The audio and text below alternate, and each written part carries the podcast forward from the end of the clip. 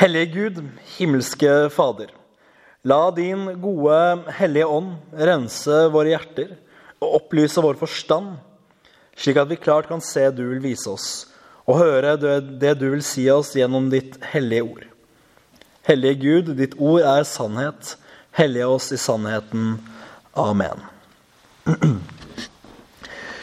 Forkynn evangeliet om nødvendig bruk ord. Det er et sitat dere kanskje, muligens helt sikkert, har hørt før. Sitatet det er hva jeg gjerne kaller eh, pseudofransiskansk. Det var litt tungekrøll. Men det betyr altså at det tilskrives den hellige Frans av Assisi, men at det etter alt å dømme absolutt ikke stammer fra ham, men har blitt knyttet til ham for å gi sitatet legitimitet. Og jeg må bare si det helt tydelig, så det ikke er til å ta feil av. Dette sitatet er bare tull. Tanken bak det er tull, og konsekvensene er potensielt sett dypt farlige. For hva er dette for en tanke? At bare jeg er et snilt og godt menneske, hjelper de fattige, leier en gammel dame over veien, så forkynner jeg evangeliet. At når jeg gir en 20-kroning til en tigger, eller er god mot en som trenger det litt ekstra, da forteller jeg vedkommende om Jesus. Det er jo vås. Det er loviskhet i sin aller verste uttrykksform.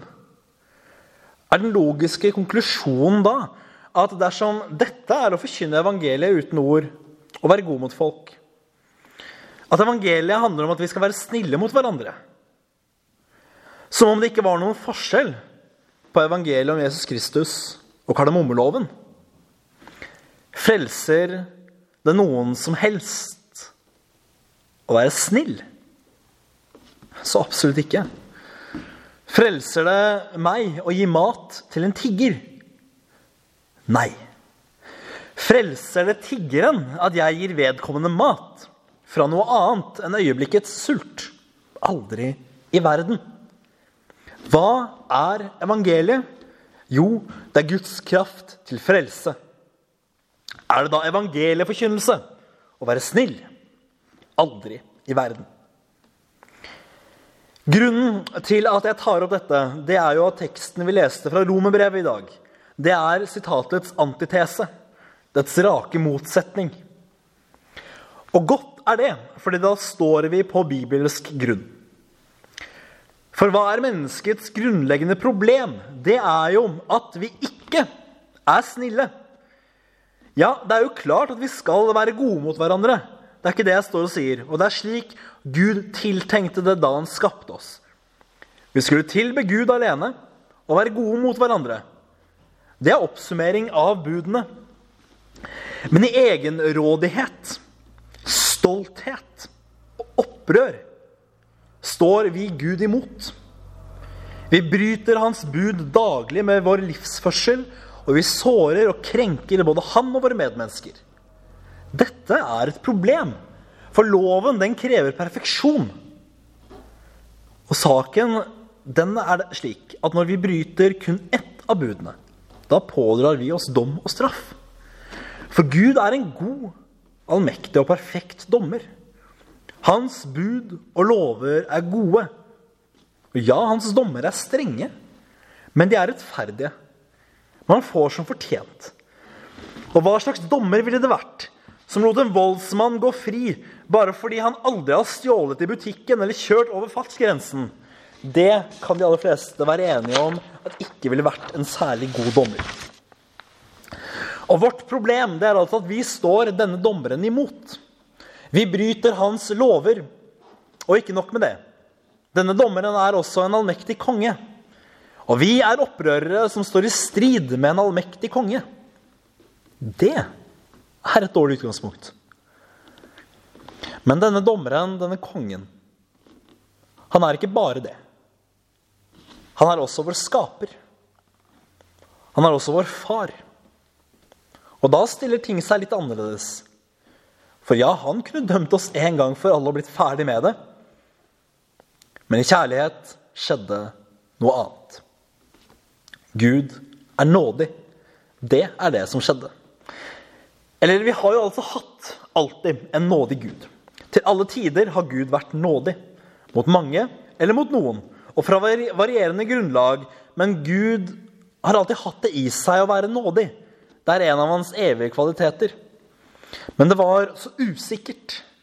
Mennesket måtte forsøke så godt de kunne å holde budene. Og når det snublet, måtte man satse på at Gud viste nåde. Det var usikkert. Men i tidens fylde forordnet Gud en sikrere måte å vise oss nåde. Jesus Kristus ble født som menneske. Han led en synders død på korset, og slik sonet han straffen vi skulle hatt.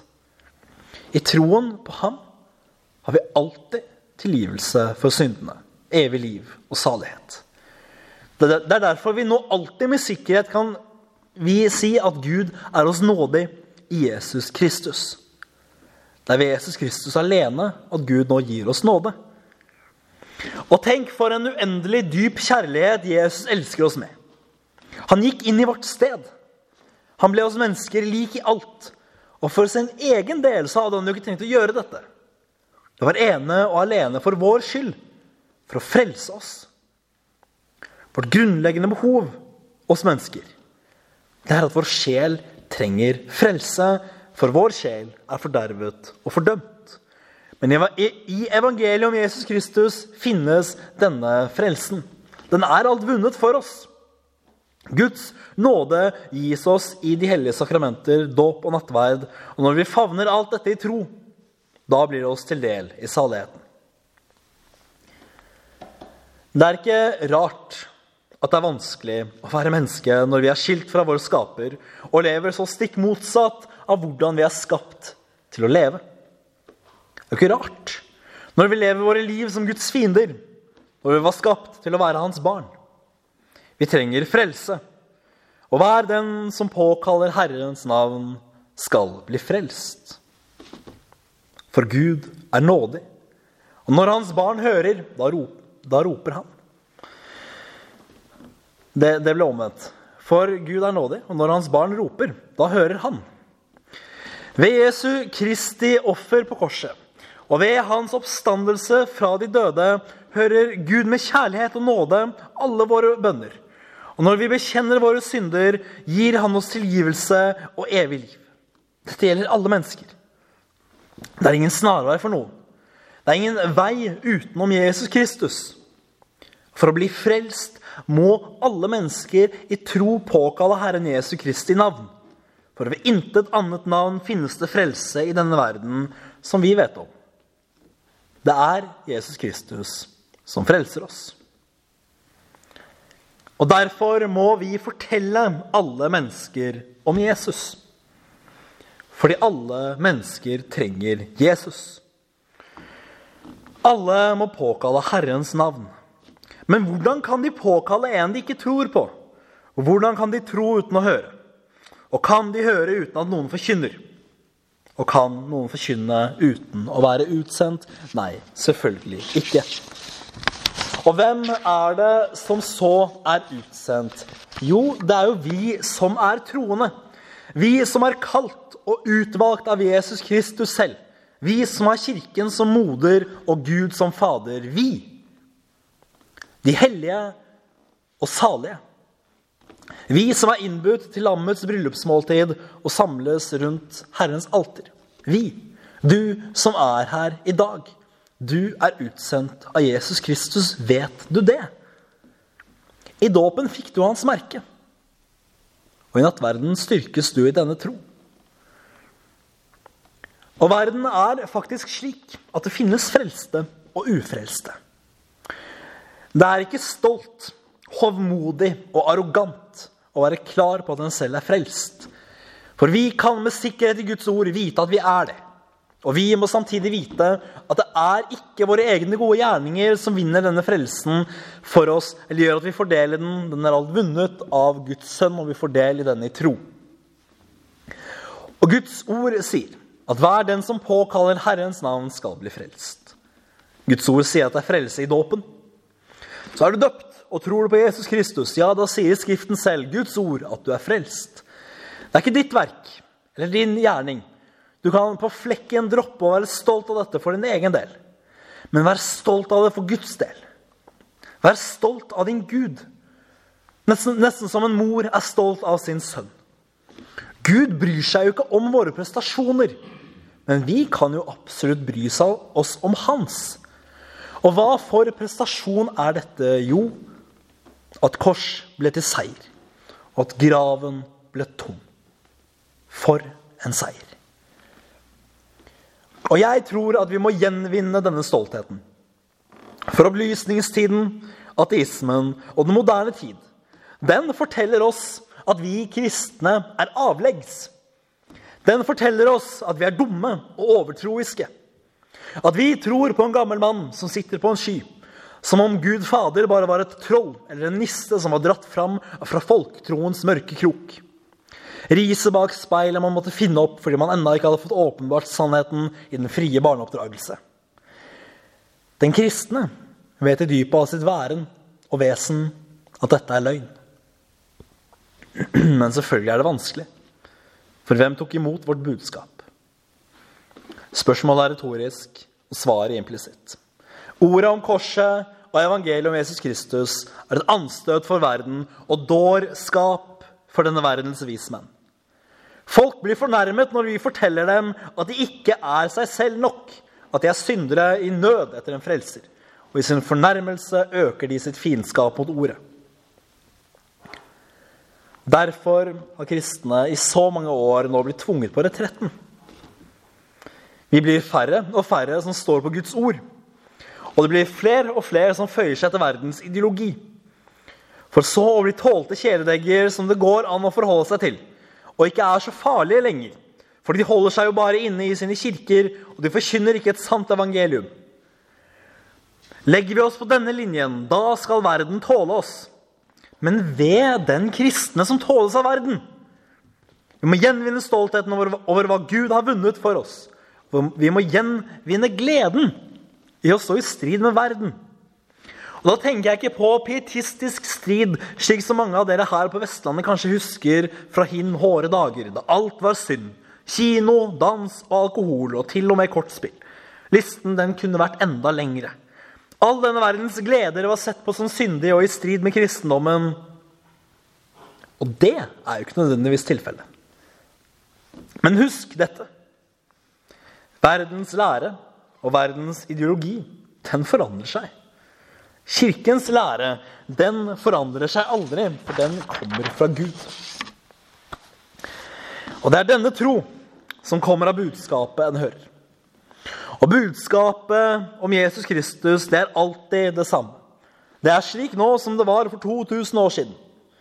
Jesu ord forandrer seg aldri, og Guds åpenbarte evangelium om sin sønn, det står fast til evig tid.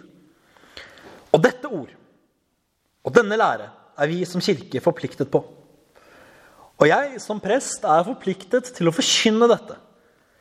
Og du som kristen, du er forpliktet til å holde meg ansvarlig dersom jeg avviker fra dette. Og ja, ved den som avviker fra Jesu ord og apostlenes lære. Kjærlighetens apostel Johannes han skriver at den som avviker fra Jesu lære, er uten Gud. Og det er alvorlige ord. Og vi må gjenvinne stoltheten over det rene, klare evangelium. Jesus Kristus ble menneske. Han som er Gud fra evighet til evighet. Dette alene for å gå korset i møte, og der sone vår straff. Gjennom sin oppstandelse brøt han dødens lenker og vant for oss det evige liv. Denne dype nåde som finnes i dette, gis oss i Kirkens hellige sakramenter. Og når vi favner dette i tro, da får vi del i det. For en Gud vi har som gjør dette mulig. Tenk at du slipper å streve selv for å oppnå frelse, for å bli verdig. Din Gud, Jesus selv, har alt gjort det mulig for deg. Det ligger der klart til at du skal ta imot og gå til Jesus med alt du er. Vi må gjenvinne stoltheten. Først da kan vi forkynne evangeliet klart og rent for alle vi møter. Først da slutter vi å bry oss om om evangeliet er et anstøt for dem. Selvfølgelig liker ingen å bli konfrontert med sin synd. Men en synder som ikke vet at han er en synder, vil heller ikke være mottakelig for evangeliet. Det er av kjærlighet vi må forkynne evangeliet, og da hører synden også med. Men forkynn aldri synd uten nåde og evangelium. Det er en hard ting å gjøre det, og den slitne sjel trenger budskap om Jesus Kristus. Men troen kommer alltid av å høre. For at noen skal komme til tro, må evangeliet forkynnes. Evangeliet. Det vi har fått overlevert fra Jesus selv, om hvem han er, og hva han gjorde. Dette skal forkynnes. Ikke vår menneskelige forståelse eller innpakning. Alt kaoset vi har gjort i, i det vi tror at vi gjør det tilgjengelig for folk. Evangeliet er tilgjengelig. Og evangeliet, det må alltid forkynnes med ord. Ære være Faderen og Sønnen og Den hellige ånd, som var her og blir en sann Gud fra evighet og til evighet. Amen.